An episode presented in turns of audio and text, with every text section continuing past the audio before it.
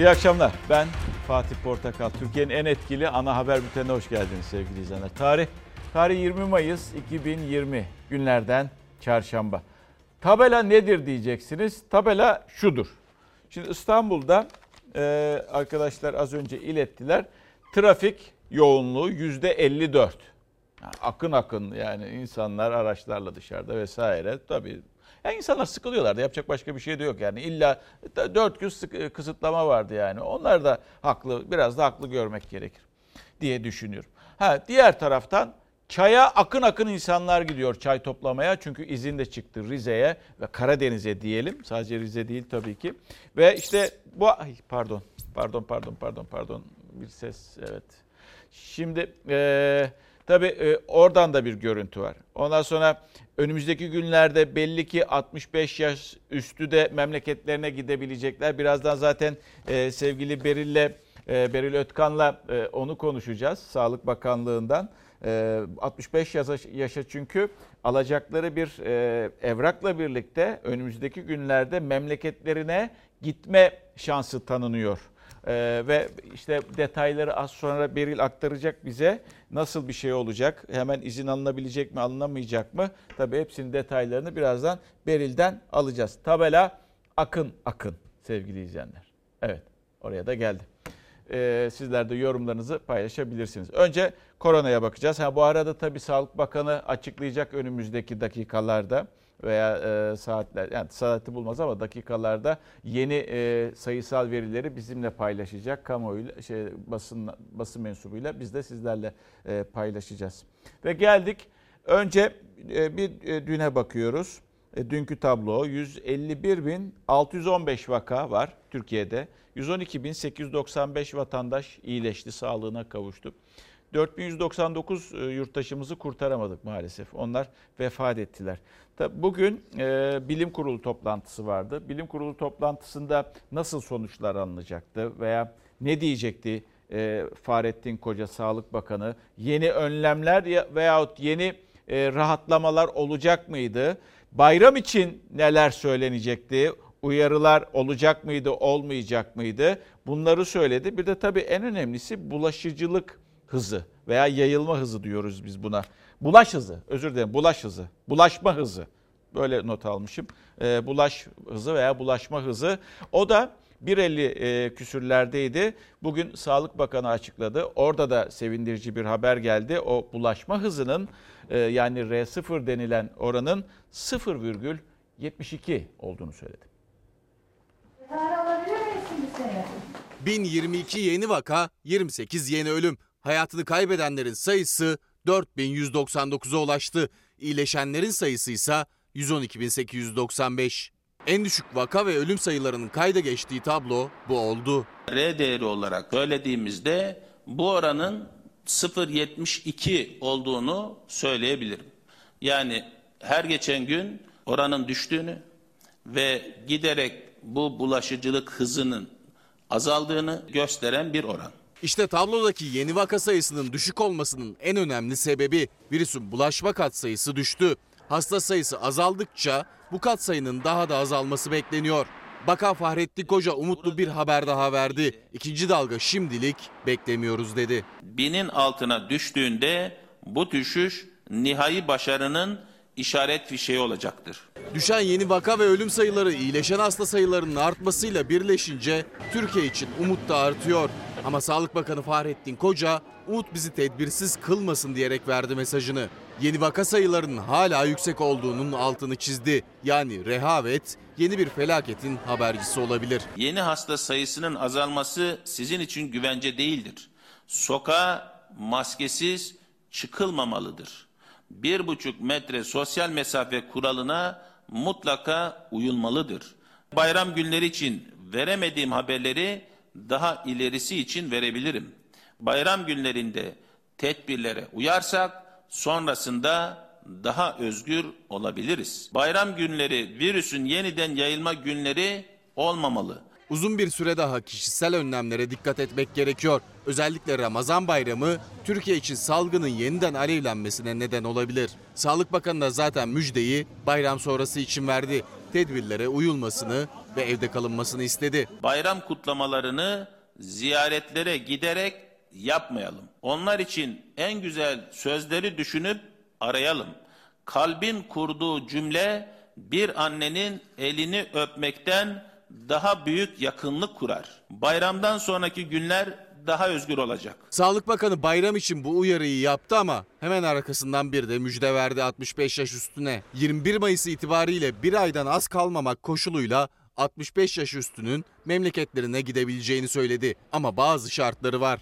ilgili kaymakamlıktan yanlarında bir zorunlu ise gerektiğinden fazla iki kişi olmak üzere bir aylık tek yönlü dönmemek üzere bir izin durumu yarından itibaren söz konusu olacak. Bayramı ailelerinden ayrı geçirecek Mehmetçik için de iyi haberi Milli Savunma Bakanı Hulusi Akar verdi. Silahlı kuvvetler içinde vaka sayısının düşük olduğunu açıkladı. Şu anda arkadaşların 156 e, en son rakam 156 e, pozitif e, arkadaşımız var.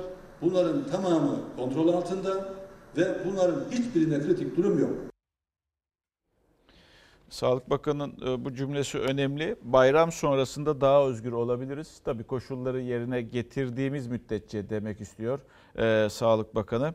E, sizin de tabii bazı açıklamaları var. Özellikle 65 yaş üstün memleketine gitmesiyle ilgili. Kendisi onu da anlatayım ben size. Şöyle oldu. Çıktı Sayın Bakan konuşmasını yaptı.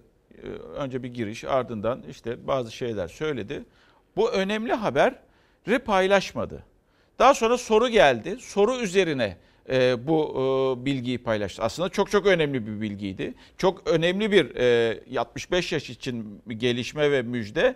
Yani planlanmış mıydı, planlanmamış mıydı bilmiyorum ama yani bunu kendisi detaylarıyla duyurmak varken bir soru üzerine ve kısa bir e, cevap verdi. Çünkü detaylarıyla dedim. Şimdi detayları almaya çalışacağız.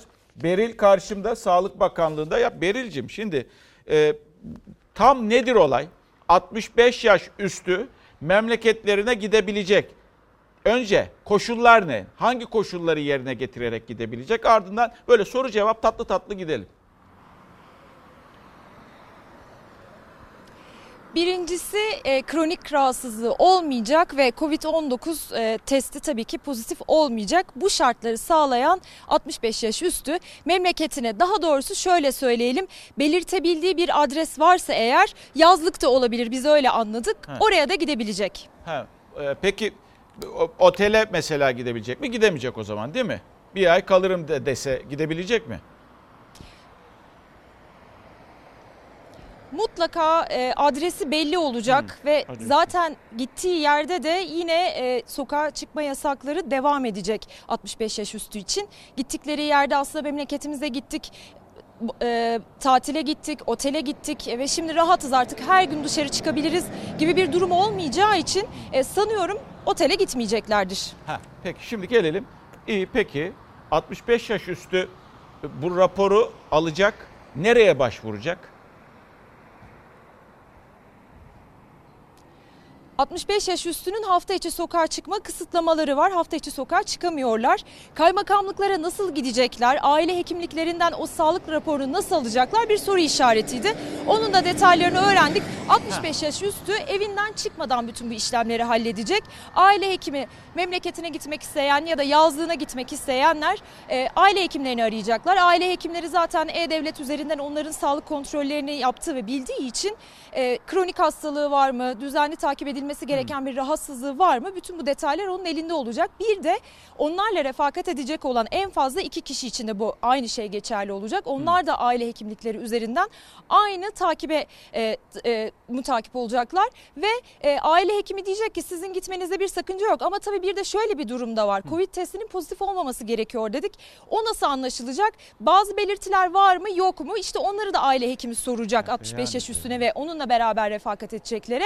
Eğer herhangi bir sıkıntı yoksa direkt kaymakamlıkların ilgili birimlerine bir yazı düşecek. Yani 65 yaş üstü ya da refakatçilerinin kaymakamlıklara da gidip başvurması gerekmeyecek. Kaymakamlıkların ilgili birimlerinden de direkt onay yazısı gelecek ve o yazıyla birlikte seyahat edebilecekler. Peki bu e, her bu kadar süratli mi olacak? Olabilecek mi?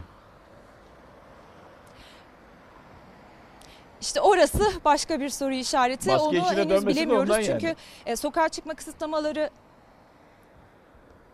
sokağa çıkma kısıtlamaları ve e, şehir karantinaları başladığında kaymakamlıklara gidip başvurup izin almak isteyenler olmuştu. Prosedür biraz uzun olmuştu Evet. ama bu kez aile hekimlikleri üzerinden belki direkt resmi kurumlar birbirleriyle yazışacakları için ya da e, artık her şey elektronik sistemde öyle olacağı için belki hızlı olabilir. Pe- Bir de bayram öncesinde hemen başlatılacak. Sanıyorum anladığımız kadarıyla bayrama yetiştirilmek isteniyor. O yüzden biraz daha hızlı davranabilirler. O zaman ne kaldı önümüzde? Yarın var, cuma var. İki gün var. Beyana bağlı olacak. Ee, o beyanın doğru olması gerekiyor kesinlikle. Ee, ve e, çarşamba, perşembe olacak. E, cuma, e, yok bugün de çarşamba, perşembe, cuma olacak. E, cumartesi arefe zaten kısıtlama başlıyor. Bu nasıl olacak? Ya bu bir şey soracağım sana. Evet. Oradaki havayı bana anlatmanı istiyorum. Planlanmış bir şey mi? Yani her şeyle düşünülmüş bir şey mi konuştuğunda Sağlık Bakanlığı yetkililerince? Kafanda bir muhabir olarak şüphe veya soru işareti kaldı mı hiç? Yoksa daha olgunlaşmamış bir şey mi? Yani ben anlatıyorsun şu anda nasıl Şöyle- olacak diyorum. Şöyle bence planlanmış bir şey ama e, bunu Sayın Bakan kendisi açıklamak istemedi. Sanıyorum bunun açıklamasını Cumhurbaşkanı'nın yapması Ha. bekleniyordu. Soru gelince e, Sayın Bakan bunu böyle biraz detaylarını vererek açıkladı. Ama sonrasında ben bakanlık yetkililerine bazı soru işaretlerini sordum kafamızdaki. O konulara e, direkt net net cevap verdiler. Sanıyorum planlı ama açıklaması bugüne planlanmamıştı. Ha, Anladım peki. Teşekkür ederim Beril. Şimdi e, bir de şey söyleyeyim. S- sınav olayı vardı. Sınavda çocuklar maskeyle girecekler ama sonrası nasıl olacak? Onu biraz detaylandırabildin mi? Maskeyle girecekler aslında öğrencilerden zaman zaman bizlere de şikayet geliyordu. Çünkü Tabii. kronik hastalığı olanlar var, astımı olanlar var. Havalar da ısındı. Aslında normal e, şartlarda maskeyi takmak zaten zor. Bir de sınav stresinde maske takacaklardı. E, Sayın Bakan şöyle söyledi. Sınava girerlerken, salona girerlerken maskeli olacaklar. Mutlaka olacaklar. Burada bir ayrım yok. Kronik rahatsızlığı olan olmayan şeklinde. Ama sınav salonlarına girdikten sonra zaten biraz da mesafeli olur. E, bizler de sınavlardan Evet. hatırlıyoruz. Sıralar mutlaka mesafeli olur. Sosyal mesafe kuralına uyulursa eğer maskeyi çıkarabileceklerini bilim kurulu üyelerinin de bu konuda bir karar aldığını Peki. belirtti. Şimdi bir de size de herhalde bir e, orada e, tetkik yapılmış. Bugün anladığım kadarıyla Sağlık Bakanlığı'nda ne yaptılar? Kan mı aldılar veya başka bir uygulama mı yaptılar? Ee, yok hayır Ee, biz aslında basın toplantısı saat 4'teydi geldik Evet. burada beklemeye başladık Evet. beklerken Sayın Bakan'ın programı biraz daha uzadı ve bize denildi ki PCR testi yani aslında e, şu anda en güvenilir Covid En testi güven- evet. yaptırmak isteyen basın mensupları var mı denildi biz Evet. hepimiz sıraya girdik sosyal mesafe sonuç? kuralına Sonucun uyarak ne? burnumuzdan ve ağzımızdan ee, sonuç daha çıkmadı. En geç yarın çıkacak. Ee, umuyorum ki tabii ki Yok, negatif sen- çıkacak. Ee, belli. aslında güzel olan şu Ha. bizler Lütfen sen devam et. e, sözünü bizler tabii sokaktayız işimiz gereğiyle e, gereğin yüzünden işimiz yüzünden sokaktayız biz aslında. O yüzden e, belki de taşıyıcıyız bilmiyorduk. Yani belirti de göstermiyor olabilirdik. Böyle bir test fırsatı ayağımıza geldi. İlerleyen günlerde şunun da duyumunu aldık. Daha henüz kesin değil ama geçirdik mi geçirmedik mi? Negatif çıkarsa eğer e, antikor testleri yapılıyor biliyorsunuz. E, daha önce geçirip geçirilmediği de belli oluyor. Taşıyıcı olup da Evet, belirti evet, vermeyenler tabii, için. tabii. Onu da yapacaklarını sinyalini aldık. Yok karşıdan gördüğümüz kadarıyla kanlı ve canlısın. Sıkıntı olacağını tahmin etmiyorum ama yarın e, e, paylaşın bizle sonucunu olur mu? Maşallah diyelim. Teşekkür ediyoruz. Beril Ötkan Tabii ki. Ankara'dan Sağlık Bakanlığı Tabii. önünden bildirdi. Ve e, veriler geldi. Sayısal veriler, sayısal verilerde bugün hmm, önemli. Şimdi bakın. Binin altına düşmesi önemli. Sağlık Bakanı'nın cümlesi vardı. Sağlık Bakanı diyordu ki demek ki bu cümleyi bilerek kurdu. Yani bundan iki saat önceki basın toplantısında ne zaman ki dedi günlük vaka sayısını binin altına çekebilirsek ki burada 972 o zaman dedi bu yolda başarılı gittiğimizin e, işaret fişeği yakılmıştır dedi. Ha oran 4.66 yani test sayısı toplam test günlük test sayısına göre vaka sayısını oranladığımızda %4,66 civarı %4,66 yani her 100 testten 4,66'sı e, pozitif çıkıyor. Ama 972 sayısı önemli. Çünkü binin altında bu da olumlu bakabileceğimiz veya iyi yol aldığımızı gösteriyor bize. Hayatını kaybedenlerin sayısı 24 e, saat içerisinde 23 ve bugün iyileşen yurttaşlarımızın sayısı 1092. Makas da azaldı yani öyle değil mi? 972 ve 1092 arasında. Ama test sayısı da azaldı. 21 bin, civar, 21 bin civarında.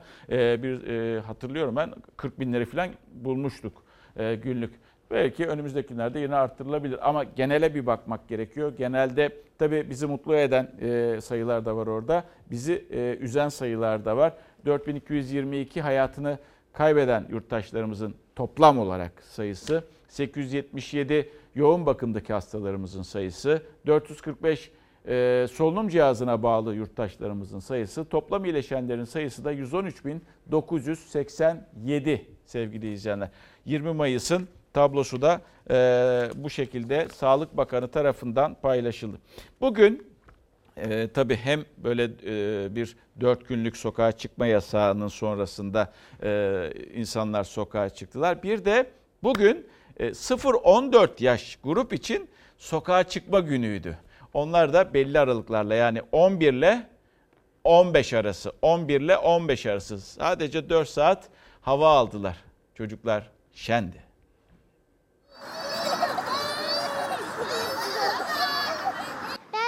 parka geldim çünkü çocuk tatili. Mutlu musun Hanifeciğim? Evet. Neden mutlusun? Çünkü dışarı çıktığım için. 4 yaşındaki Hanife ve binlerce çocuk bir hafta aranın ardından yine sokağa çıktılar, doyasıya koşup oynadılar. 4 günlük sokağa çıkma yasağının ardındansa yine kalabalıktı İstanbul. Sabah saatlerinde trafikte bilindik manzaralar oluştu. Sabahı beklemeden yasak biter bitmez kendini dışarı atanlar da vardı. Kimi sokaklarda gezintiye çıktı, kimi kutsal mekanlara koştu. Yaklaşık iki aydır gelmiyorum bu virüs olayından dolayı ama bugün dayanamadım. E, saat tam 12 olduğunda aracımı atlayıp geldim. Duamızı yaptık evde de. Burada da bir maneviyatından, Eyüp Sultan Hazretleri'nin maneviyatından bir şey edelim diye. Ben kendim kanser rahatsızlığım, felç geçirdim. Patladım yani. Bir hafta hiç kesinlikle çıkmadım. Mecburen çıktım artık. Dört günlük yasağın ardından saatler gece yarısını geçer geçmez sokağa çıkanlar oldu. Çocuklarsa bir hafta daha sabretti ve şimdi dışarıdalar. Kısıtlamalar arasındaki bu küçük mola özellikle kardeşi olanlar için evdeki ufak gerilimleri de biraz olsun azaltmış oldu. Yani mesela ben Çınar'ın elindeki bir tane oyuncu aldım. Direkt bana yani böyle saldırmaya başlıyor. Biraz böyle böyle vuruyor. Tabii biraz da canımı acıtıyor. Hatta şurada. Şu anda bir şey sürüyor şurada. Bugün ayrı takılıyorsunuz o yüzden. Evet biraz ayrı takılıyorum. Böyle bir rahatla, rahatlamak istiyorum. Artık çıkamadığımız için biraz kuduruyoruz. Kuduruyorsunuz? Evet. Evin içinde? Evet. Eyvah anne baba ne yapıyor? Kızıyorlar. Çocuklarıyla birlikte dışarı çıkan ebeveynler de İstanbul'daki güzel havanın tadını çıkardı ancak bu kez de salgının yayılmasına neden olabilecek istenmeyen manzaralar ortaya çıktı. Sadece parklar değil, sahiller, yeşil alanlar da doldu. Çok kötü geçiyor. Evlerde çok sıkıcı. Evlerde hep oturuyorsun. Sadece telefonlarla, tabletlerle oynuyorsun. Son günlerde zaten şey oluyor azalıyor vakalar. Biz de olabildiğince eğlenmeye çalışıyoruz. Haftada bir kere yani tadını çıkarmamız lazım. Peki Hanife bir çocuk en çok neyi ister? Çikolata. Ha? Çikolatalı. Çikolata. Evet. Bayramlık çikolata, şeker, kıyafet alışverişi yapmak isteyenler de pazarlara, çarşılara koştu. Dört günlük sokağa çıkma yasağının sonrasında yine bir dört günlük yasak geliyor. Arife gününde başlayacak. Yasak öncesi sebze halleri, İstanbul Bayram Alışverişi'nin adresi Eminönü ve semt pazarları doluydu. Korona artık o kadar e, içimizden bir şeymiş gibi oldu, biriymiş gibi oldu. Çocuklar bile 2-3 yaşındaki çocuk bile vaka diyor. Vaka nedir diye sorsam bilmez. Ama her gün böyle artık televizyonlarda e, duyduğu için annesinden, babasından, büyüklerinden duyduğu için vaka vaka vaka o, o bile alışmış. Şimdi e, arkadaki bu tabloda olsun gözünüz lütfen. Arkadaki tabloda olsun. E, Fahrettin Koca, Sağlık Bakanı şöyle diyor bu bilgiyi paylaşırken sosyal medyada da şöyle demiş. Vaka sayımız binin altına düştü. Onu büyük harflerle yazmış. Önemli çünkü. Ve açıklamasını kaydediyor daha sonra. Kaybettiğimiz hasta sayısı bugün de azaldı. Virüsle artık şartları değiştirerek daha özgür mücadele edeceğiz. Yeni hayat tarzımız kontrollü sosyal hayat, hep birlikte tedbir, koşulu mesafe artı bir buçuk metre sosyal mes maske artı bir buçuk metre sosyal mesafe demiş e, Fahrettin Koca Sağlık Bakanı. Şimdi e, bir başka haberlere geçeceğiz ama gelen mesajlar arasında da e, siz de berbere gitmişsiniz, tıraş olmuşsunuz. Evet. Yani bugün hatta gittiğimde arkadaşımla da onu konuştum. Ya berber esnafı önemli bir esnaf grubuymuş. insana döndük ya valla yani saçları falan kestirdik böyle ya özlemişiz o koltuğa oturmayı ve o sohbeti yaparken kendisiyle ne kadar önemli bir iş kolu olduğunu yokluğunu hissettiğimizde yapamadığımızda görüyoruz maalesef. Ha, bir tanesi de demiş ama siz maske takmamışsınız orada paylaşmışsınız. Ya orada ben hata yaptım. Orada maalesef e, bir maskesiz bir görüntü verdik. Unutuyor insan. İşte alışkanlıkları devamlı hale getirmek gerekiyor. İşte zamana ihtiyacımız var ve aklı hep böyle aman dikkat edeyim, aman dikkat edeyim ama işte biraz da olmuyor yani. Zaman zaman da o kontrolü kaybedebiliyorsunuz. Ama ber, berberler iyi. Yani temiz. Bizim gittiğimiz yer. En azından kurallara uyuyorlar. Bir iki yere de giderken böyle bakmıştım. Hepsi kurallara uyuyor. Kadın olsun, erkek olsun. Ve geldik terör diyeceğiz. Siyasetin gündemi. Yani bu koronayı azalttığımızda, az konuşmaya başladığımızda siyaseti konuşacağız Türkiye'de. Türkiye'deki siyaseti konuşmaya başladığımızda nedir? Hep bir konu vardır ve o konu üzerinde polemik yaratılır. Yani tartışma başlar. Ardından da zaten üslup da e, genelde serttir ve tansiyon sürekli yükselir, yükselir, yükselir, yükselir. Daha sonra 3 gün sonra veya 5 gün tartışılır. Ondan sonra başka konuya geçilir. İşte bir kısır döngünün içerisindeyiz aslında. Haberleri anlatırken ben bunun daha çok farkına varıyorum. Mesela şimdi terör suçlaması geçtiğimiz yıllardan işte Cumhur İttifakı'nın özellikle AKP ve MHP'nin e, kendilerinin yanında olmayan partiler için sarf ettikleri ithamlardan biridir. Hep böyle bir suçlama yaparlar. Birileriyle hep bir araya, terör örgütleriyle bir araya getirirler. CHP'sini, İyi Parti vesaire. Son dönemde daha da arttı. Ha, yeni kurulacak partiler de zaten öyle suçlanacak önümüzdeki günler. Gelecek ve Deva Partisi de aynı şekilde suçlanacak. Kendilerinden olmadığı zaman, aynı görüşü tanımadığınız zaman e, maalesef böyle suçlamalar oluyor. İşte bu suçlama yapıldı. Tabii CHP'den cevap geldi. Çünkü CHP'ye yükleniliyor ana muhalefet olarak.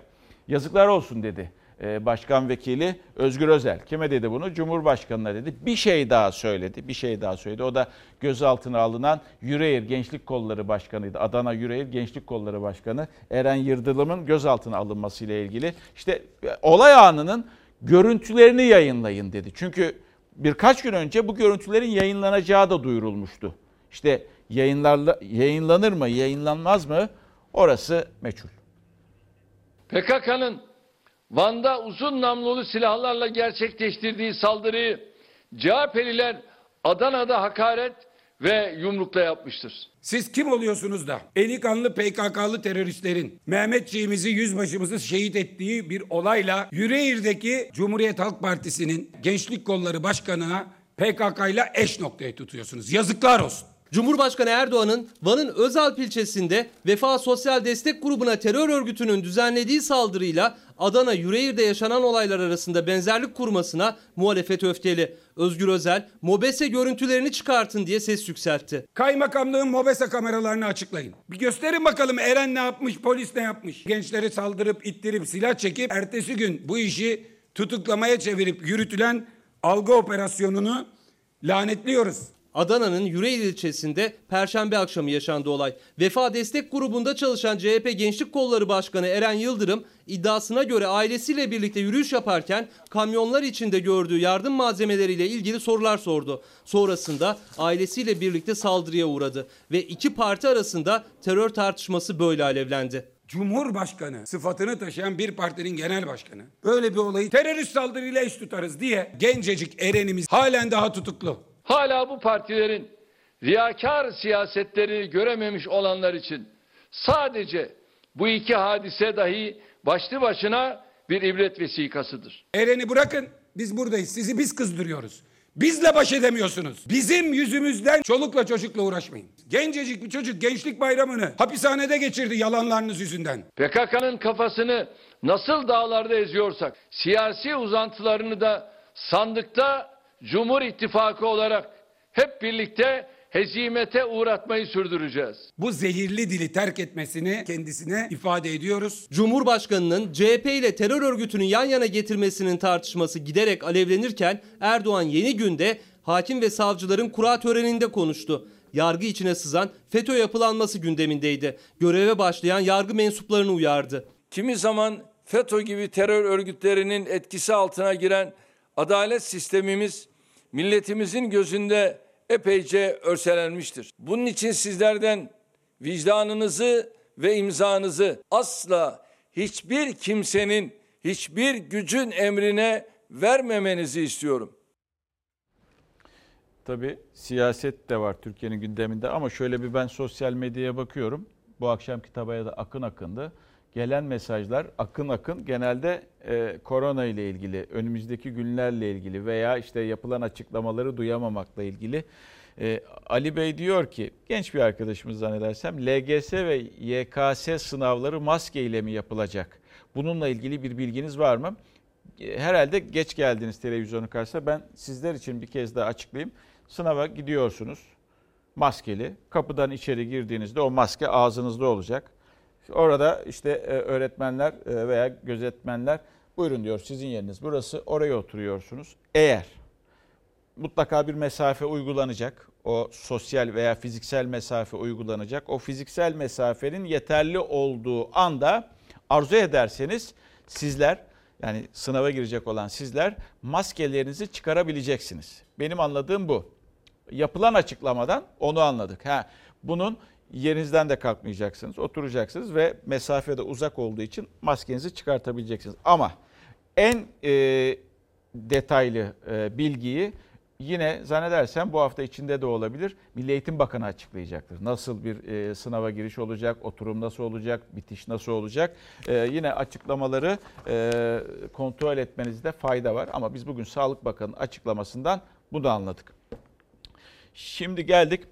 Bu arada bir şey söyleyeceğim. Ee, hani bu iktidarla muhalefet koronada yardımlar yüzünden karşı karşıya gelmişti ya. İstanbul Büyükşehir Belediyesi Mersin'den limon getirtmişti ve onları burada e, vermişti. Şimdi Adana'dan da Adana'dan geçtiği için oradan bir bağlantı yapayım dedim. İstanbul'dan e, İstanbul'daki ihtiyaç sahiplerine ulaştırılmak üzere yüzer ton patates ve soğan Adana'dan İstanbul'a getirildi ve e, yardım kolilerine eklenecek bu ürünler patates ve soğanlar ve yarından itibaren 2,5 kiloluk paketler halinde bu yardım paketleriyle vatandaşlara ulaştırılacak. Bir soru, bu soruyu hep sordum yine soracağım. Yani başka türlü üretemiyorum bu haberi. Girişini başka türlü yapamıyorum. Sizce seçim olur mu?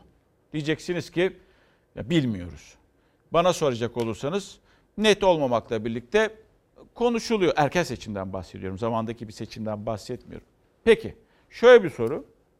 Peki seçim gündemde yoksa, böyle bir hareketlilik de yoksa neden bugünlerde seçim kelimesi çok anılır oldu? Bunun cevabı var mı? Yok. Bende var mı? Bende de yok.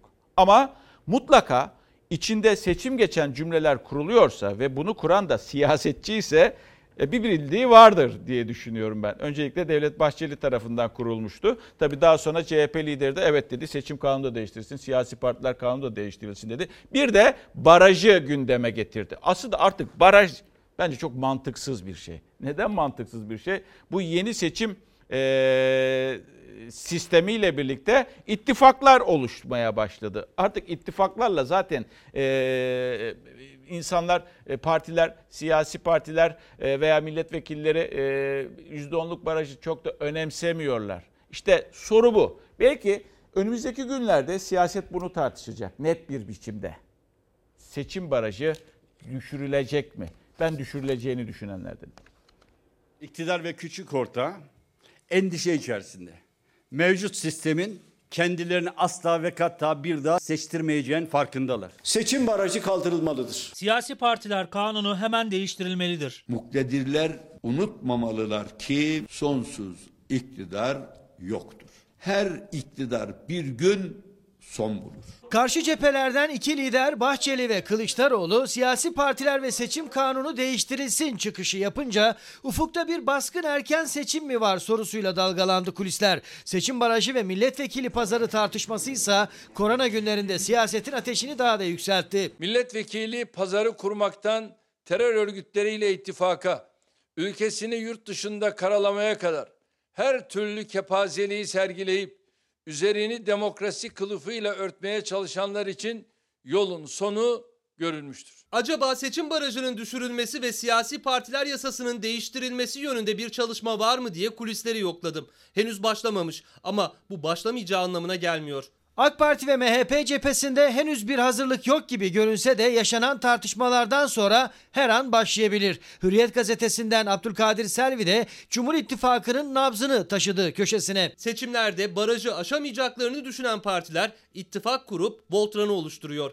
Ayrıca %1'lik partilerde böylece meclise girme şansını yakalıyor. Ben Bahçeli ve Erdoğan'ın bu çıkışı durup dururken yaptıklarını zannetmiyorum. Sayın Bahçeli Erdoğan'ı üzecek işler yapmıyor. Erdoğan'ı mutlu edecek işler yapıyor. Yoğun sancılardan sonra ikiz doğurdu biliyorsunuz. İki tane yeni parti var. Bu iktidarı bir an önce terk etmekle nihayet bulacaktır. Seçim kanununda oynayarak siyasi partiler yasasında bize göre de olması gereken ciddi mad- maddeler var. Ama ne zaman ki kara göründü o zaman aklınıza geliyorsa bu millet sizin telaşınızın farkındadır. İttifakı dayatan Cumhurbaşkanlığı seçimindeki %50 barajı ve yeni kurulan partilerin seçimlere olası etkileri üzerinden yapılıyor hesaplar. Baraj aşağı mı çekilecek? Partilerin mecliste grup kurma sayısı mı yükseltilecek? Milletvekili transferlerinin önüne mi geçilecek? Siyasi hesaplar kapalı kutu. Makul sayı olarak da 40'ı bulmuş. Şimdi İyi Parti 39 olunca 40'a çıkaralım. Hem iki grup kurmak için zor olur. Sayın Bahçeli'ye yarın şöyle derler. İyi öneriymiş, görüyorum ve arttırıyorum. 50 olursa ne olacak? 49 milletvekiliyle ne yapacaksınız mecliste? Yılların baraj savunucusu Bahçeli. Siyasi partiler yasası, siyasi etik yasası şunu söyleyelim.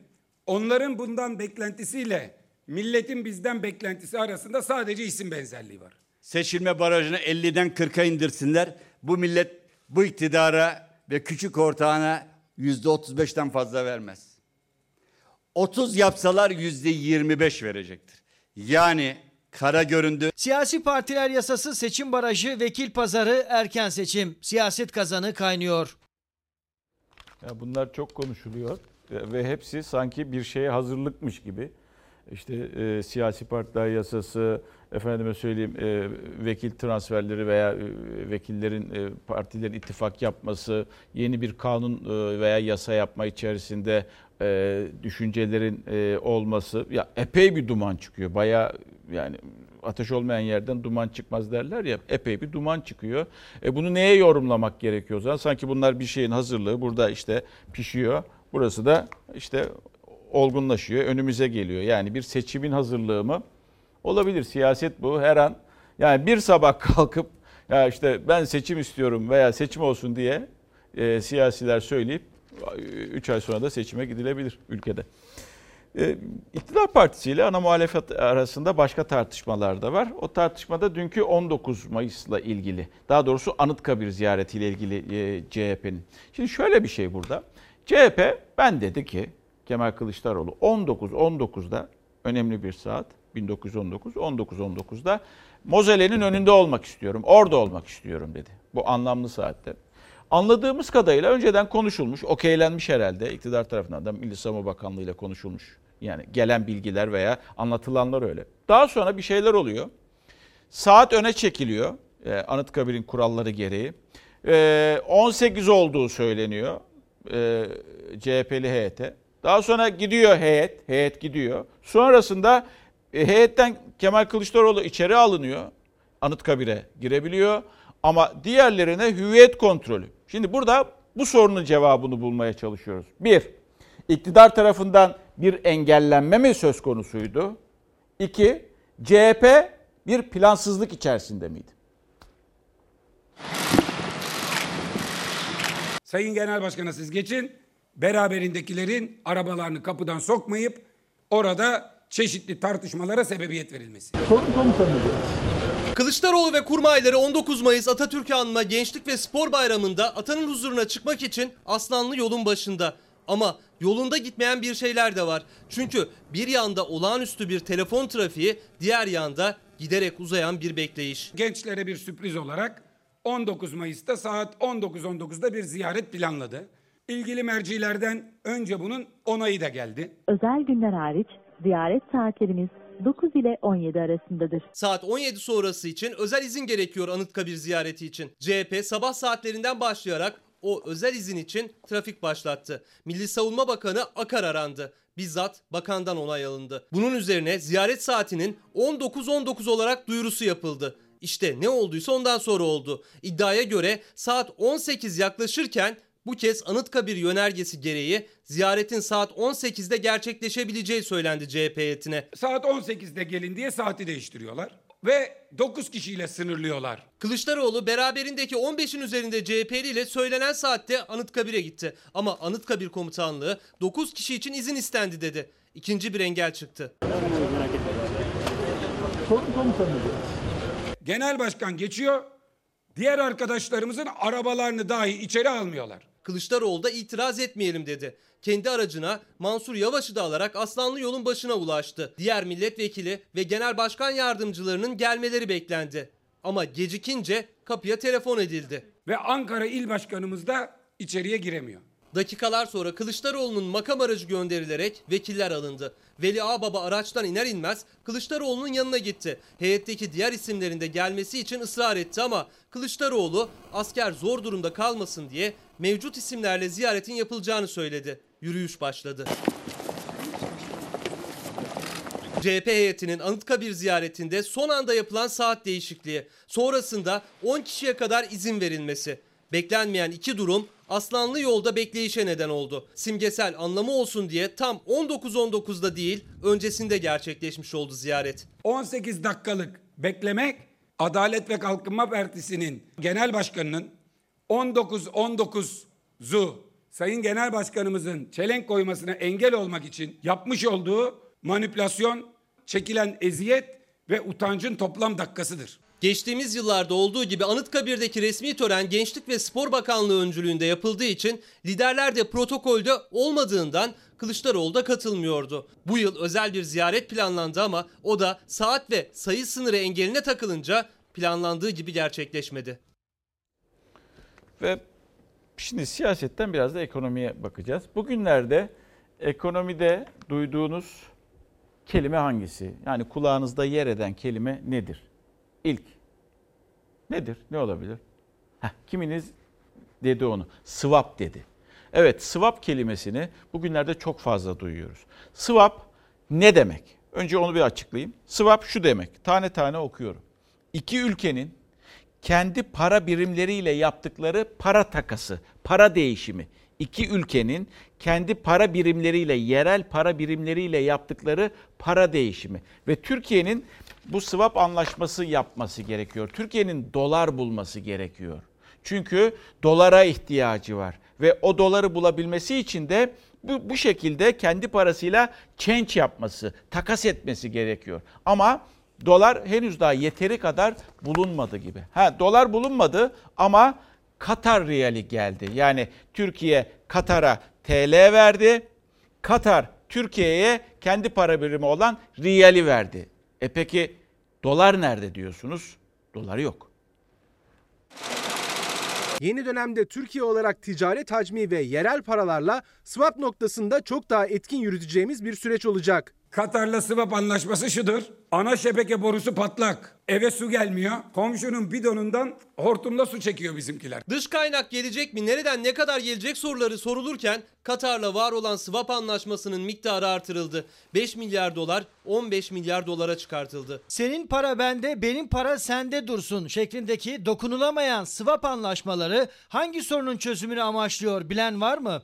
IMF aleyhtarlığı yapıp düşman gösterip bütün bu kuruluşları daha sonra dönüp de e, herhangi bir yardım, destek talep etmek tabii siyaseten kolay olmuyor şu andaki hükümet için. Katar'la biliyorsunuz zaten bir 15 milyar dolarlık anlaşma vardı eski anlaşma. Bunun 5 milyar doları swap olarak devreye girmiş idi. Geri kalan 10 milyar dolarlık kısmı ile ilgili Katar bir adım atmamıştı. Türkiye ile Katar ikili para takası yani swap anlaşması yaptı. Geçmiş dönemlerde ekonominin önemli adreslerinde görev yapan isimlerden ilk itiraz geldi. Eski Merkez Bankası Başkanı Durmuş Yılmaz, Merkez Bankası'nın rezervi 10 milyar dolar artar ama Türkiye'nin döviz ihtiyacı bu miktarla karşılanmaz dedi. Türkiye'nin ihtiyaç duyduğu dolara ulaşmak için Katar riyalini gidip Londra'da dolara çevirmesi gerekiyor. Ancak bu yapılmayacak. Türkiye Katar riyalini satarsa Katar riyalinin değeri düşer ve Katar hükümeti böyle bir durumun ortaya çıkmasını istemez. Türkiye'nin ekonomisine ne kadar katkısı olacağı biraz belirsiz. Umuyorum gerçek anlamda Batı ile Amerika ile İngiltere ile swap anlaşmaları yapılabilir. Amerika ile yok. Avrupa ile yok. Dünyanın herhangi bir ülkesinden yok Çin hariç. Çin ne Katar? Türkiye'nin finans piyasası kademe kademe kademe kademe dışarıya kapatıldı bu dönem içerisinde. Ufukta yeni swap anlaşmaları var mı bilinmiyor. Hazine Bakanlığı görüşmelerin devam ettiğini, anlaşmalar oldukça paylaşacağını söylemekle yetiniyor. Birazdan zaten e, bir yazı da var. Onu da e, okuyacağım. Reklam sonrasında okuyayım onu. Ama bu arada şöyle bir değişiklik oldu. Dedik ya Türkiye'nin dolara da ihtiyacı var. Ama diğer taraftan e, buna herhalde tedbir amaçlı ilave ek gümrük vergileri getirildi. 800'den fazla ürüne ilave gümrük vergisi getirildi sevgili izleyenler. İçinde neler var? Vinç, tarım ma- makineleri, bazı demir çelik, kontak lens, mermer, granit, alüminyum folyo, trans transmisyon kolonu, transmisyon milleri, elektrik akümülatörleri 800'den fazla ürüne ilave gümrük vergisi getirildi. Bunun da neden sorusunun cevabını bulabilirsiniz belki. İşsizlik diyelim, işsizlik diyeceğiz ama bir e, işte e, raporla birlikte vereceğiz. Umut tükenmesin sevgili izleyenler. İşsizlikte de öyle. E, Malum sebeplerden dolayı işten çıkar, çıkmak zorunda kaldık. Eskiden bir tercihimiz vardı. Şu iş olsa daha iyi olur, bu iş olsa daha iyi olur. Şu anda öyle bir tercihimiz de yok. Eğitime dayalı bir sistem olmadığı için mecbur artık üniversite mezunlarını da görüyoruz. Hepsi işsiz. Şurada belki 10 tane 15 tane üniversite öğrencisi var, işsiz iş arıyor. 28 yaşındaki Nurullah bu düşüncesinde yalnız değil. Hem sokağın hem de araştırmaların sesi aynı gerçeği ortaya koyuyor. Sosyal Demokrasi Vakfı SODEV'in raporuna göre gençler işsiz olduğu gibi eğitimle de bağları kopuyor. Çünkü buna inançları azalıyor. Üniversite mezunu her 100 gençten 7'si ise artık iş aramaktan vazgeçtiğini söyledi. %3'ü ise iş yükü ağır olan ama geliri olmayan ev kadınlığını seçti.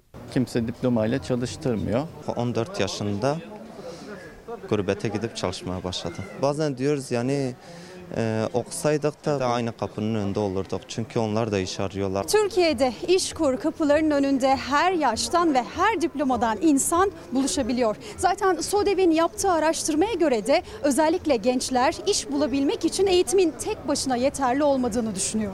Yani yağcılık çekmek gerekiyor herhalde patronlara. Torpil. Yani tanıdık olması gerekiyor yoksa kesinlikle iş vermiyorlar. %79,3 aynı görüşte. Yani yetenekli ve donanımlı olmak bir gencin iş başvurusu için ilk sırada değil. Gençlere göre kapıları açan referans adı altında tanıdık ve torpil. Verilere göre gençlerin üçte ikisi ise imkan olsa yurt dışında yaşamak istediğini dile getirdi. İmkanı bulamayan, okuduğu ve hayalini kurduğu işi yapamayanlarsa Nefer Akyüz gibi kafe işletmecilerinin kapısını çalıyor. O da uzayan kuyrukta işveren olarak yer aldı ama yeni istihdam için değil. Zaten var olan çalışanların gelirini karşılayabilmek için. Üniversiteden mezun olup iş bulamayıp diplomasını eline e, alıp sokak sokak gezip iş arayan insanlar da var. Tabii ki yanında çalışanlar. Ne yapıyor şimdi o gençler? Şu an ne yapıyor? Benden bir medet ummaya başlıyorlar. Ben de devletten medet ummaya başlıyorum çünkü. Ben 3 aydır koşturuyorum, koşturuyorum çalışanlarım için, personel için koşturuyorum. Ama 3 aydır maaş ödemeleri çıkmazda. Bu çıkmaz yolun sonuysa umutsuzluk. Gençlerin %40,8'i üniversitelerin iş bulmak için yeterli donanım sağladığını düşünmüyor. Bu nedenle iki genç kız üniversite hayallerini şimdilik öteledi. Ailelerinin yükünü almak için Aleyna ve Derya daha üniversiteye adım atmadan İşkur'la tanıştılar. Benim teyzem 4 yıldır hala atanamıyor. Ve gerçekten öğrencilerin çok zor durumda olduğu bir dönemde yaşıyoruz. O yüzden bizi çok zorluyor. Ailende gördüğün bu örnek mi seni bu kararı vermede etkiledi? Yani genel olarak öyle söyleyeyim. Hani genel gördüğüm, çevremdeki tüm arkadaşlarım bu şekilde. Ne iş yapacaksınız? Market düşünüyoruz, kasiyer falan. düzgün hangi iş olursa diyelim. Reklam zamanı saat başı geliyoruz haberlere tekrar devam ediyoruz. Tekrar iyi akşamlar. Saatler 8'i gösteriyor. E, tabelamız bu arada akın akın. Ve e, bir fotoğraf karesi, daha doğrusu iki fotoğraf karesi uzun bir aradan sonra, uzun bir aradan sonra devletin e, zirvesi, kabinenin bir kısmı e, toplantı yaptı ve bu toplantı e, Huber Köşkü'ndeydi, İstanbul'daydı ve e, internet aracılığıyla değil, telekonferansla değil, e, birebir yüz yüze. Ancak e, ne toplantısıydı diye özetleyeyim ben size. Bu bir güvenlik toplantısı. Büyük bir ihtimalle Suriye, Libya konuları konuşuldu diye düşünüyor, düşünüyoruz. Çünkü Dışişleri Bakanı var, Savunma Bakanı orada, e, İçişleri Bakanı orada, MİT Başkanı orada, Genelkurmay Başkanı Hulusi Akar'ın yanında oturuyor. E, bir güvenlik toplantısı. Tabi burada uzun bir aradan sonra ilk e, böyle bir e, birebir yüz yüze e, masa etrafında, masa etrafında böyle bir toplantı yapıldı. Sosyal mesafe dikkat ederseniz korunmuş durumda. Hulusi Akar'ın yanında boş bir koltuk var. Öyle bir mesafe bırakılmış. Ee, Cumhurbaşkanı dışında herkes maskeli. Tabii neden Cumhurbaşkanı takmadı diyorsunuz benim aklıma geldi. Sosyal mesafeden dolayı olabilir. Aradaki mesafesi yani e, Cumhurbaşkanı ile Hulusi Akar ve Dışişleri Bakanı'nın mesafesi daha fazla diğerlerine göre dikkat edersiniz. Belki de ondan dolayı olabilir. Çünkü neden bu soruyu sordum? Dün Ilısu Barajı'nın alış, e, açılışı vardı ya orada e, bakanı uyarmıştı e, Sayın Cumhurbaşkanı. Onlar da çok yakın duruyorlardı ve maskesiz çıkmışlardı. O yüzden de neden takılmamış diye. Çünkü Cumhurbaşkanı da ve e, bakan da aynı şeyi söylüyor. Bilim kurulu da aynı şeyi söylüyor. Maske, mesafe ve temizlik bunlar uyulması gerekiyor diyor. Evet zaman zaman da uyuluyor zaman zaman uyulamaya da biliyor ama uymak zorundayız tabii ki. Şimdi geldik e, ekonomiden gideceğiz. O soruyu sorarak gideceğiz öncelikle. Sizin ekonominiz nasıl? Sizin ekonominiz, benim ekonomim, sizin ekonominiz, Yunus'un ekonomisi, Ercan'ın ekonomisi veya işte sizlerin ekonomisi nasıl? Önemli olan bu. Ee, diyeceksiniz ki şöyle bir e, cevap. Çünkü o cevap bana sormuştum böyle bir cevap geldiği için de mantıklı demiştim. Devletin ekonomisi nasılsa benim ekonomim de 3 aşağı 5 yukarı ona benzer demiştim. Sizler bu sorunun cevabını vermeye çalışın. Korona sürecinde e, devletin yapmış olduğu yardımlar ve destekler acaba neydi diye insanlar hep e, şeffaflık olmasını istiyorlardı. Geçtiğimiz günlerde de Maliye Bakanı 240 milyar TL'lik bir destekten bahsetti. E, istikrar kalkanından böyle bir e, paradan bahsetti. Şimdi ama biz öğrendik ki bugün kısa çalışma artı ücretsiz izin artı işsizlik maaşı artı e, bu korona sürecinde yaklaşık 10 milyon yurttaşa dağıtılan sosyal yardımlar hepsini topluyorsunuz 11 milyon 500 milyon 11 milyar 500 milyon TL yapıyor. Peki diyorsunuz kalanı nerede? Ekonomik istikrar kalkan paketi maddi tutarı 240 milyar Türk lirasına ulaştı. Damat harikalar diyarında kayınpederinin sırlar ülkesinde dolaşıyor. 240 milyarlık paket var göya. Şimdi diyor ki bu paket çarpan etkisiyle 525 milyar oldu. Bugün itibariyle verilen desteklerin tutarı 252 milyar lirayı aştı. Ötelenen kredileri vadesi gelen ana para faiz ödemelerinde koyarsak bu rakam yaklaşık 350 milyar lirayı geçiyor. Muhalefet inandırıcı bulmamıştı ilk telaffuz ettiğinde. Berat Albayrak destek rakamlarını güncelledi. Üstelik çarpan etkisiyle birlikte rakamın 525 milyar liradan 600 milyar liraya yükseldiğini açıkladı. Ekonomik çarpan etkisine bakıldığında 600 milyar lirayı geçen bir rakama ulaştığımızı söyleyebiliriz. Hani piyasayı çarpanlar var ya. Ya damat bey sen kimi çarpıyorsun? Çarpan etkisi yani dağıtılan desteğin milli gelire yapacağı katkıyla birlikte ortaya çıkan rakam 525 milyar lira tartışılırken 600 milyar lirayı geçti dedi bakan. Muhalefet rakamların gerçekçi olmadığı görüşünde. Bu paket ekonomide yakın dönemde gerçekleşecek olan toparlanmayı destekleyecektir. Sadece laf üretiyorlar. Ama güneş balçıkla sıvanmaz. 118 bin hane icralık oldu. Sayın Berat Albayrak ekonomik istikrar kalkanının olumlu sonuçlarını salgın sonrasında göreceğiz diyor. Güler misin? Ağlar mısın? Millet fukaralıkla boğuşuyor. Fukaralıkla. Doymanın peşine düşmüş. Hazine Maliye Bakanı toplam bir rakam açıklarken Erdoğan ve Çalışma Bakanlığı sosyal yardım kalkanı üzerinden rakamlar duyurdu. Sosyal koruma kalkanı kapsamında ihtiyaç sahibi ailelere yapılan biner liralık yardım iktidarla muhalefeti karşı karşıya getirdi. Şu ana kadar yaklaşık 5,5 milyon dar gelirli vatandaşımıza biner lira nakit desteği sağladık. Bu tabloyu ben yapmadım. Toplam 5,5 milyon aileye para ödedik diyorlar. Bu paraların toplamı da 5,5 milyar TL diyorlar. Zaten biner lira verildiği için hiçbir şey yapmıyorsunuz bari susun. Ekonominin gündemi dar gelirliler, gelir sıkıntısı yaşayanlar. Ankara Büyükşehir Belediye Başkanı Mansur Yavaş'ın iyilik bulaşıcıdır kampanyası ise bu kez pazar yerine ulaştı. Hayırseverler Pursaklar'da bir pazar yerinde 150 bin liralık alışveriş yaptı. Pazara gelenlere bedava dağıttı.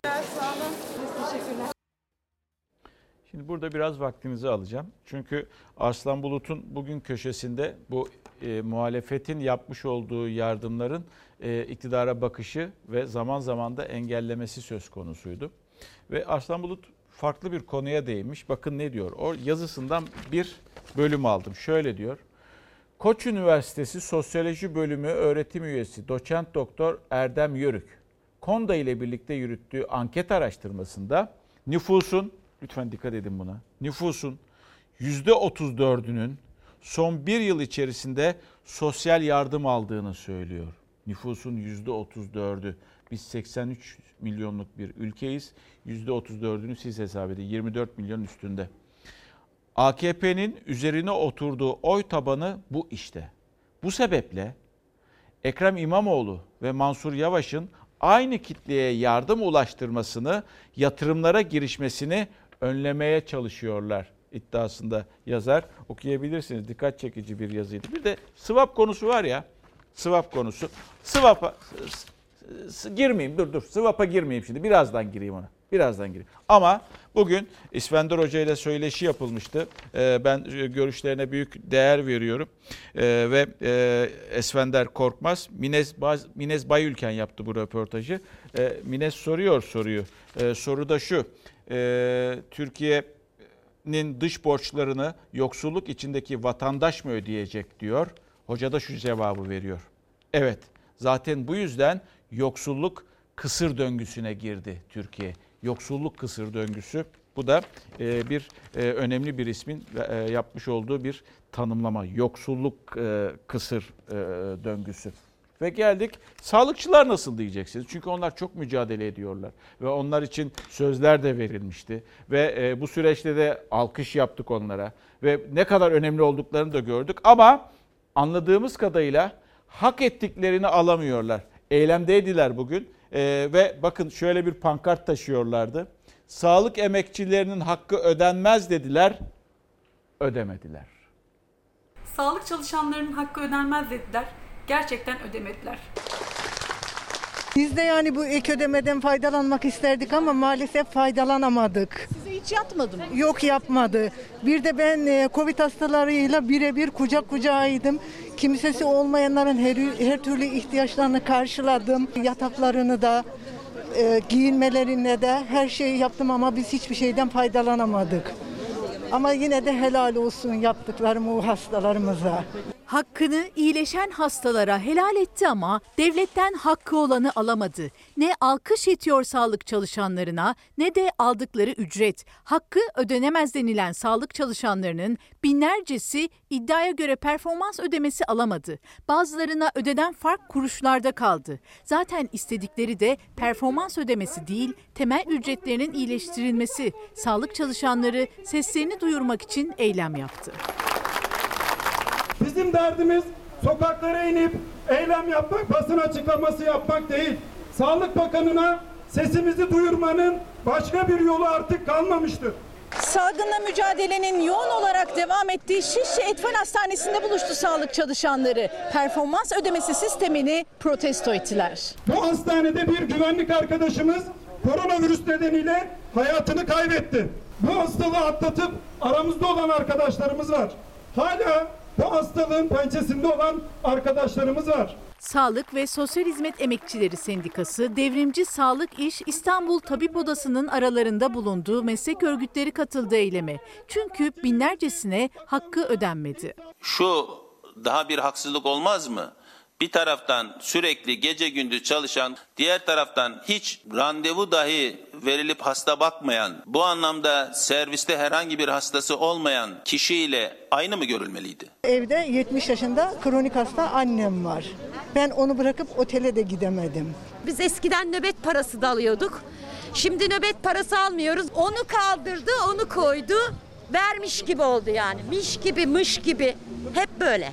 Koronavirüse karşı mücadele ettiğimiz bu hastane önünden Sağlık Bakanı'na sesleniyoruz. Bu ayrımcılığa derhal son verin. Hemşireler, hasta bakıcılar, temizlik görevlileri, güvenlik görevlileri, radyoloji teknikerleri ve diğer tüm alanlardan çalışanlar. Sağlık zincirinin her bir halkası onlar. Bu zincirin bir parçasını koparırsanız o hizmet aksar. Bunu en tepedeki Sağlık Bakanı da bilir, buradaki başhekim de bilir. Biz hekimler bu adaletsiz ücretlendirmeyi, ödüllendirme mekanizmasını, sistemini kabul etmiyoruz. Sağlık hizmeti bir ekip işidir. Ekibin her elemanını eşit olarak vermek zorundasınız, durumundasınız. Sağlık çalışanları eylemden sonra Sağlık Bakanlığı'na gönderilecek olan bu bezin üzerine isteklerini yazdılar. Ne yazıyorsunuz oraya? Ne yazıyorsun? Vallahi sağlıkta eşitlik istiyoruz. Adalet istiyoruz. Adınızda adalet var. Uygulamalarınızda da adalet olsun yazdım. Güzel bir cümle, söz. Swap dedik. O, o, e, o, onunla ilgili bir e, makale vardı. Yine Esfender Hoca'ya soru soruluyor. Hangi ülkelerden e, para geldi? Yani Türkiye hangi swap, hangi ülkeyle swap yaptı?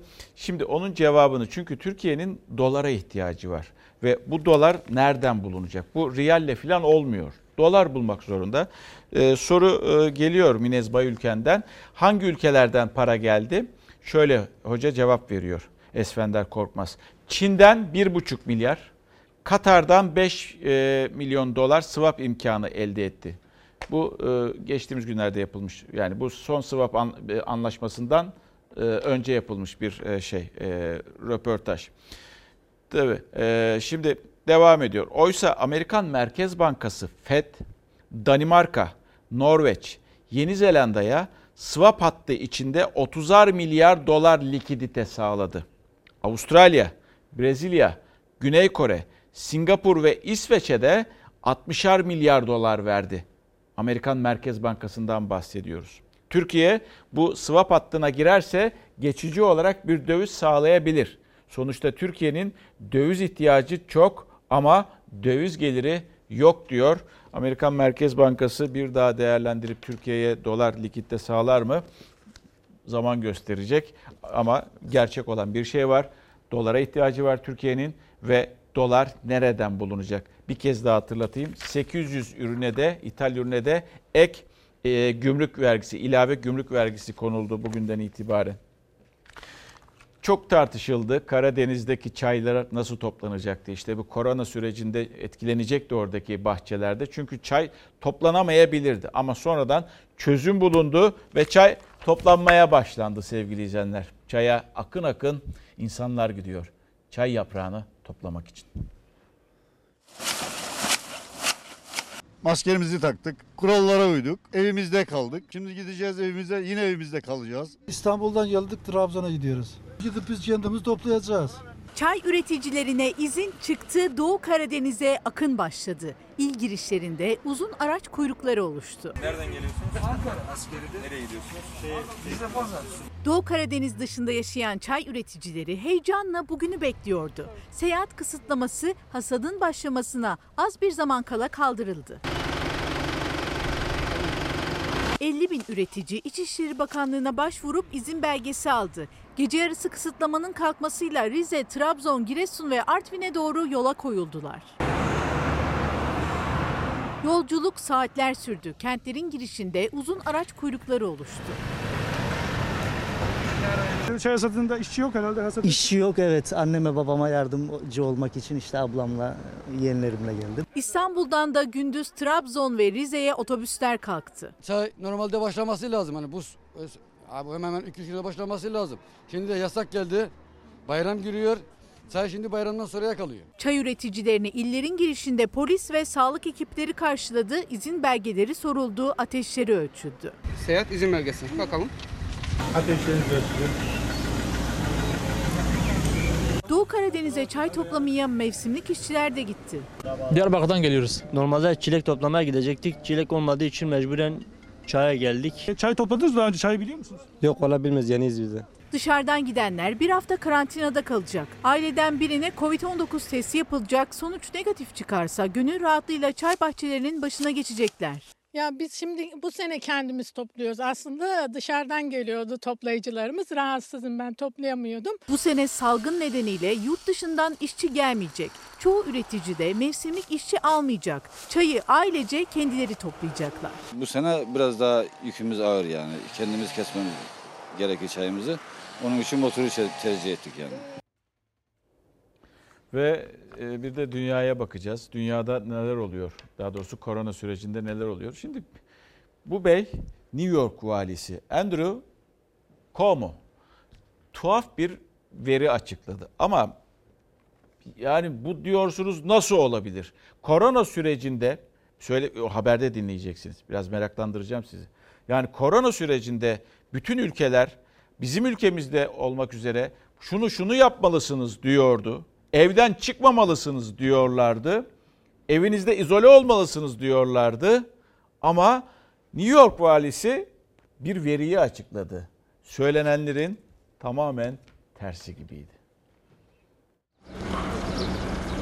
Kısıtlamalar gevşedi. Okullar, plajlar, parklar açıldı. Dünya virüs ve onun getirdiği yeni yaşam koşullarına uyum sağlamaya çalışıyor. Covid-19'da bir eşik daha aşıldı. Dünya genelinde vaka sayısı 5 milyonu geçti. Hastalığı yenenlerin sayısı 2 milyonu bulmak üzere. Salgında 325 bin üzerinde kişi hayatını kaybetti. Avrupa'da günlük ölüm rakamları düşüş gösterirken Güney Amerika ülkesi Brezilya'da işler yolunda gitmiyor. Devlet Başkanı Bolsonaro'nun virüsü ciddiye almadığı ülkede Covid-19 kaynaklı ölümler zirve yaptı. Son 24 saatte 1179 kişi öldü. Toplam can kaybı 17.971'e yükseldi. Vaka sayısının 300 bine yaklaştığı Brezilya'da salgının Haziran ayında zirve yapacağı tahmin ediliyor. Vaka ve ölü sayılarında ilk sırada olan Amerika'da 24 saat içindeki ölümler yeniden artmaya başladı. 3 gün önce binin altına düşen günlük ölüm sayısı dün 1068 olarak görüldü. Sayı bugün daha da arttı ve 1530 kişinin hayatını kaybettiği açıklandı. Toplam ölü sayısı 94 bine dayandı. Başkan Trump'tansa yine ilginç bir çıkış geldi. Amerika'nın birçok ülkeden büyük olduğunu söyleyen Trump, vaka sayısındaki çokluğu onur nişanı olarak görüyorum dedi. Bunun çok test yapıldığı anlamına geldiğini belirtti. Amerika genelinde eyaletlerin normalleşme hamleleri sürerken insanların sosyal mesafeyi hiçe sayması yetkilileri harekete geçirdi. New York'ta bir parka sosyal mesafe çemberi çizildi. Parka gidenler vakitlerini çember sınırları içinde geçirdi. New York valisi ise herkesi şaşırtan bir veri paylaştı. Vali Andrew Cuomo, son dönemde hastaneye yatırılan yeni vakaların %66'sının sokağa çıkma kısıtlamalarına uyarak evde kalanlardan oluştuğunu açıkladı.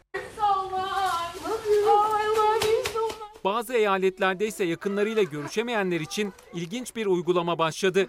Evlerin girişleri ve bahçelere muşambalı sarılma düzenekleri kuruldu. Bu sayede aileler birbirlerine sarılıp hasret giderme şansına kavuştu. Avrupa'da hayatın kademeli normalleşmesi sürerken İtalya Başbakanı'ndan acı itiraf geldi. 32 binden fazla kişinin öldüğü ülkede Başbakan Conte bu çapta bir küresel krize hazırlıklı olmadıklarını belirtti. Telafi etmeye çalıştıklarını ama hala alacak dersleri olduğunu söyledi.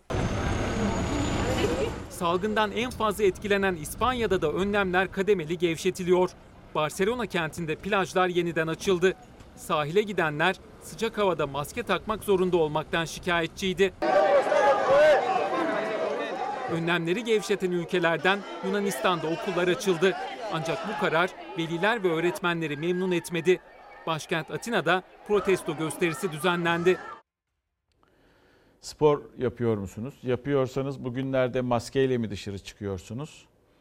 İşte bakın eğer spor yapıyorsanız şu maskeyi arkamda gördüğünüz buna N, N N95 diyorlar. N95 maskesini takarak spor yapmayınız. Olabildiğince bu dönemde maskeli iken ağır sporların yapılmaması. Özellikle maske ile beraber ağır spor önermiyoruz. Uzmanların uyarısı net. Maske ile ağır ve uzun süreli spor yapmak ölümle sonuçlanacak tehlikelere yol açabiliyor. Bu nedenle ya maske ile daha hafif spor ya da sosyal mesafeden birini seçmek gerekiyor. Çin'den insanlar maske ile spor yaparken hayatlarını kaybettikleri, hatta bir kişinin maske ile spor yaparken akciğerinin patladığı haberleri geldi. Burada önemli olan nokta şu, eğer spor yaptığınız alanda sosyal mesafeyi koruma garantiniz var ise açık alanda ya da sosyal mesafeyi koruyacak şekilde yürüyüş yapıyorsunuz. Bu durumlarda maske takmaya gerek yok.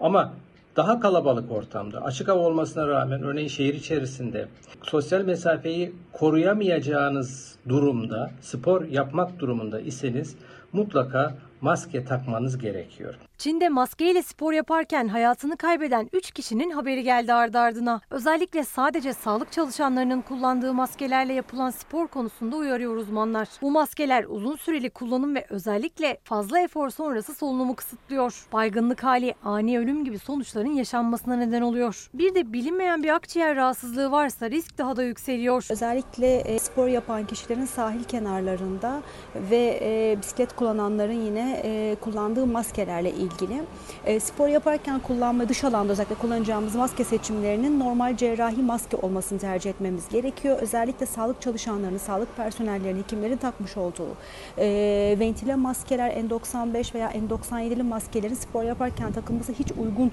e, değil ve spor yapan kişi için de e, nefes alıp vermeyi oldukça zorlaştıran maskelerdir. Sosyal hayatta normalleşme adımları ile birlikte yakında spor merkezleri de açılacak. Aylardır evlere kapanan binlerce kişi spor yapmak isteyecek. İşte en riskli yerlerden biri de buralar.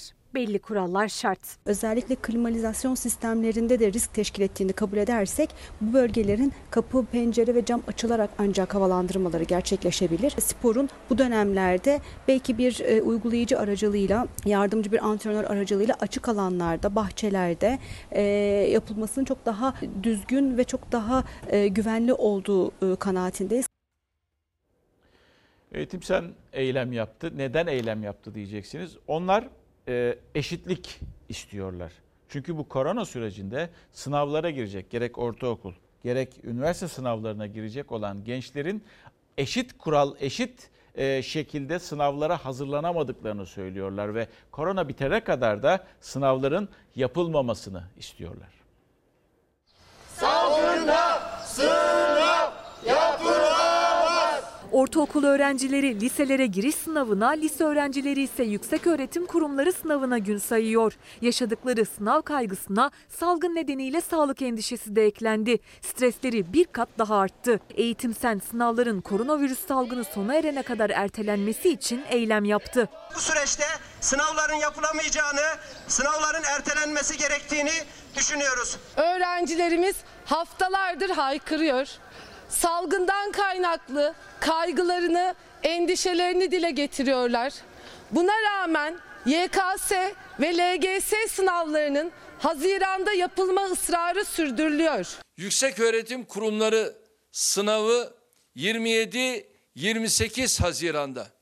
Liselere geçiş sınavı 20 Haziran'da.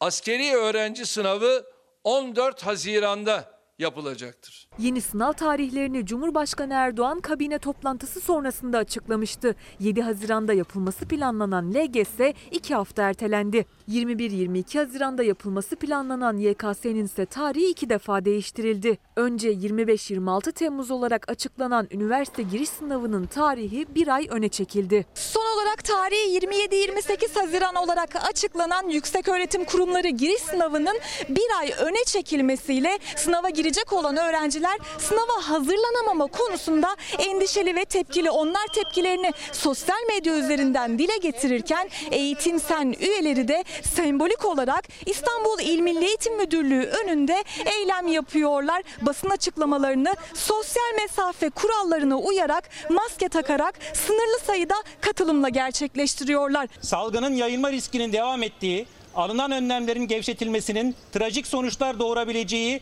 bilim insanları ve bizzat iktidarın yetkililerince her gün ifade edilmesine rağmen LGS ve YKS'nin Haziran ayında yapılacağının açıklanması öğrenci ve veliler arasında büyük bir infiale neden olmuştur. Sınav tarihlerinin öğrencilerin eğitim ve bilim emekçilerinin sağlığı gözetilerek planlanması gerekirdi. Salgın riskinin ortadan kalktığı açıklanana kadar sınavlar ertelenmelidir.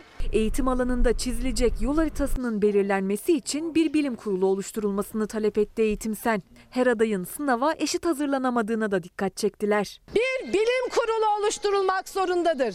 Sınavların yapılması, okulların açılması, uzaktan eğitimdeki eşitsizliklerin giderilmesi ve eğitim alanındaki tüm planlamalara ilişkin bilim insanlarından, eğitimcilerden, sağlık örgütlerinden oluşan isimlerle bir bilim kurulu, bir yol haritası oluşturmak zorundadır. Şöyle bir haberlere bakıyorsunuz. İster eğitim olsun, ister çevre olsun, ister siyaset olsun, ister başka bir şey haber içeriği olarak en çok konuşulan adaletsizlik kelimesi veya eşitsizlik kelimesi sözcüğü çok fazla konuşuluyor. Bugün dikkatimi çeken e, açıklamalardan biri de Tarım Bakanı'ndan geldi. Şöyle diyordu Tarım ve Orman Bakanı Bekir e, Pakdemirli. Bakın ne kadar çok israf yapıyoruz. Dikkat ediniz ama cümleye lütfen. E, gıdanı koru, sofrana sahip çık projesi var ve o projeyi tanıtıyor Sayın Bakan. Gıda israfını yüzde iki iyileştirebilirsek, gıda israfını yüzde iki iyileştirebilirsek yaklaşık 360 bin ailenin bir yıllık geçim giderlerini karşılayabiliriz diyor. İsraf çok fazla ülkede. Heh, 20-27 İstanbul için iftar vakti bir dakikamız var. Burası da Nusretiye Camii sevgili izleyenler. Nusretiye Camii İstanbul'un Tophane semtinde yer alıyor tarihi camilerimizden biri. 1826 yılında inşaatı bitmiş ve Sultan II. Mahmut tarafından açılıyor. Ee, bir Selahattin Camii olarak adlandırılıyor. Ve bu caminin şöyle bir özelliği var anlatayım size. Sultan II. Mahmut saltanat kayığı ile Tophane iskelesine çıkıyor. Yere serilmiş e, değerli kumaşların üzerinde at sırtında ilerliyor. Camiye geliyor açılışı yapıyor. O sırada topçu birliklerini selamlıyor ama Yeniçerileri selamlamıyor. Ve 2. Mahmut birkaç ay sonra da Yeniçeri Ocağı'nın kaldırılması üzerine Yeniçerilere karşı kazandığı zaferin anısına camiye Nusretiye Camisi denmeye başlıyor. Hikayesi bu şekilde. Ezanı duyduk mu? Duyduk. Allah kabul etsin.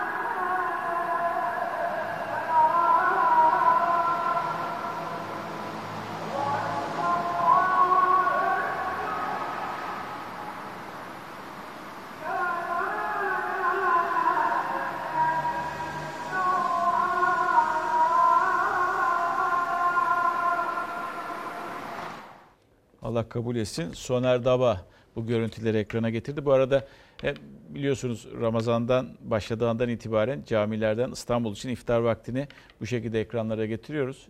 Bütün camilerin imamları, müezzinleri de çok yardımcı oluyorlar. Çok çok teşekkür ediyoruz ki e, bu caminin e, Nusretiye Camii'nin e, müezzini de yardımcı oldu. Çok teşekkür ediyoruz kendilerine sağ olsunlar, var olsunlar. E, bir e, e, karşılaştırmayı yapalım dünle bugünü ve aradaki farkı anlayalım. Yani iyiye gittiğimizin farkını anlayalım. 19 Mayıs'ta 1022 vaka vardı günlük vaka sayısı. Bugün itibariyle 970'e 972'ye düştü.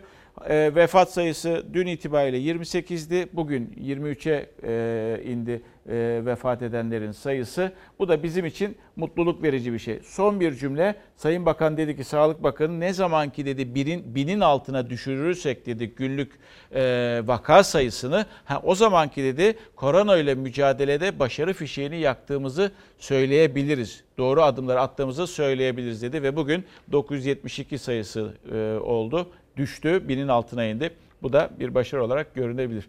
Kapatıyoruz. Bizden sonra Türk filmi var. İkinci Şans isminde Türk filmi var. İzleyebilirsiniz. Yarın daha mutlu, daha huzurlu, daha güvenli bir dünya ve tabii ki Türkiye'de buluşmak umuduyla. Hoşçakalın. Her köşesi cennetin ezilir yerler için bir baş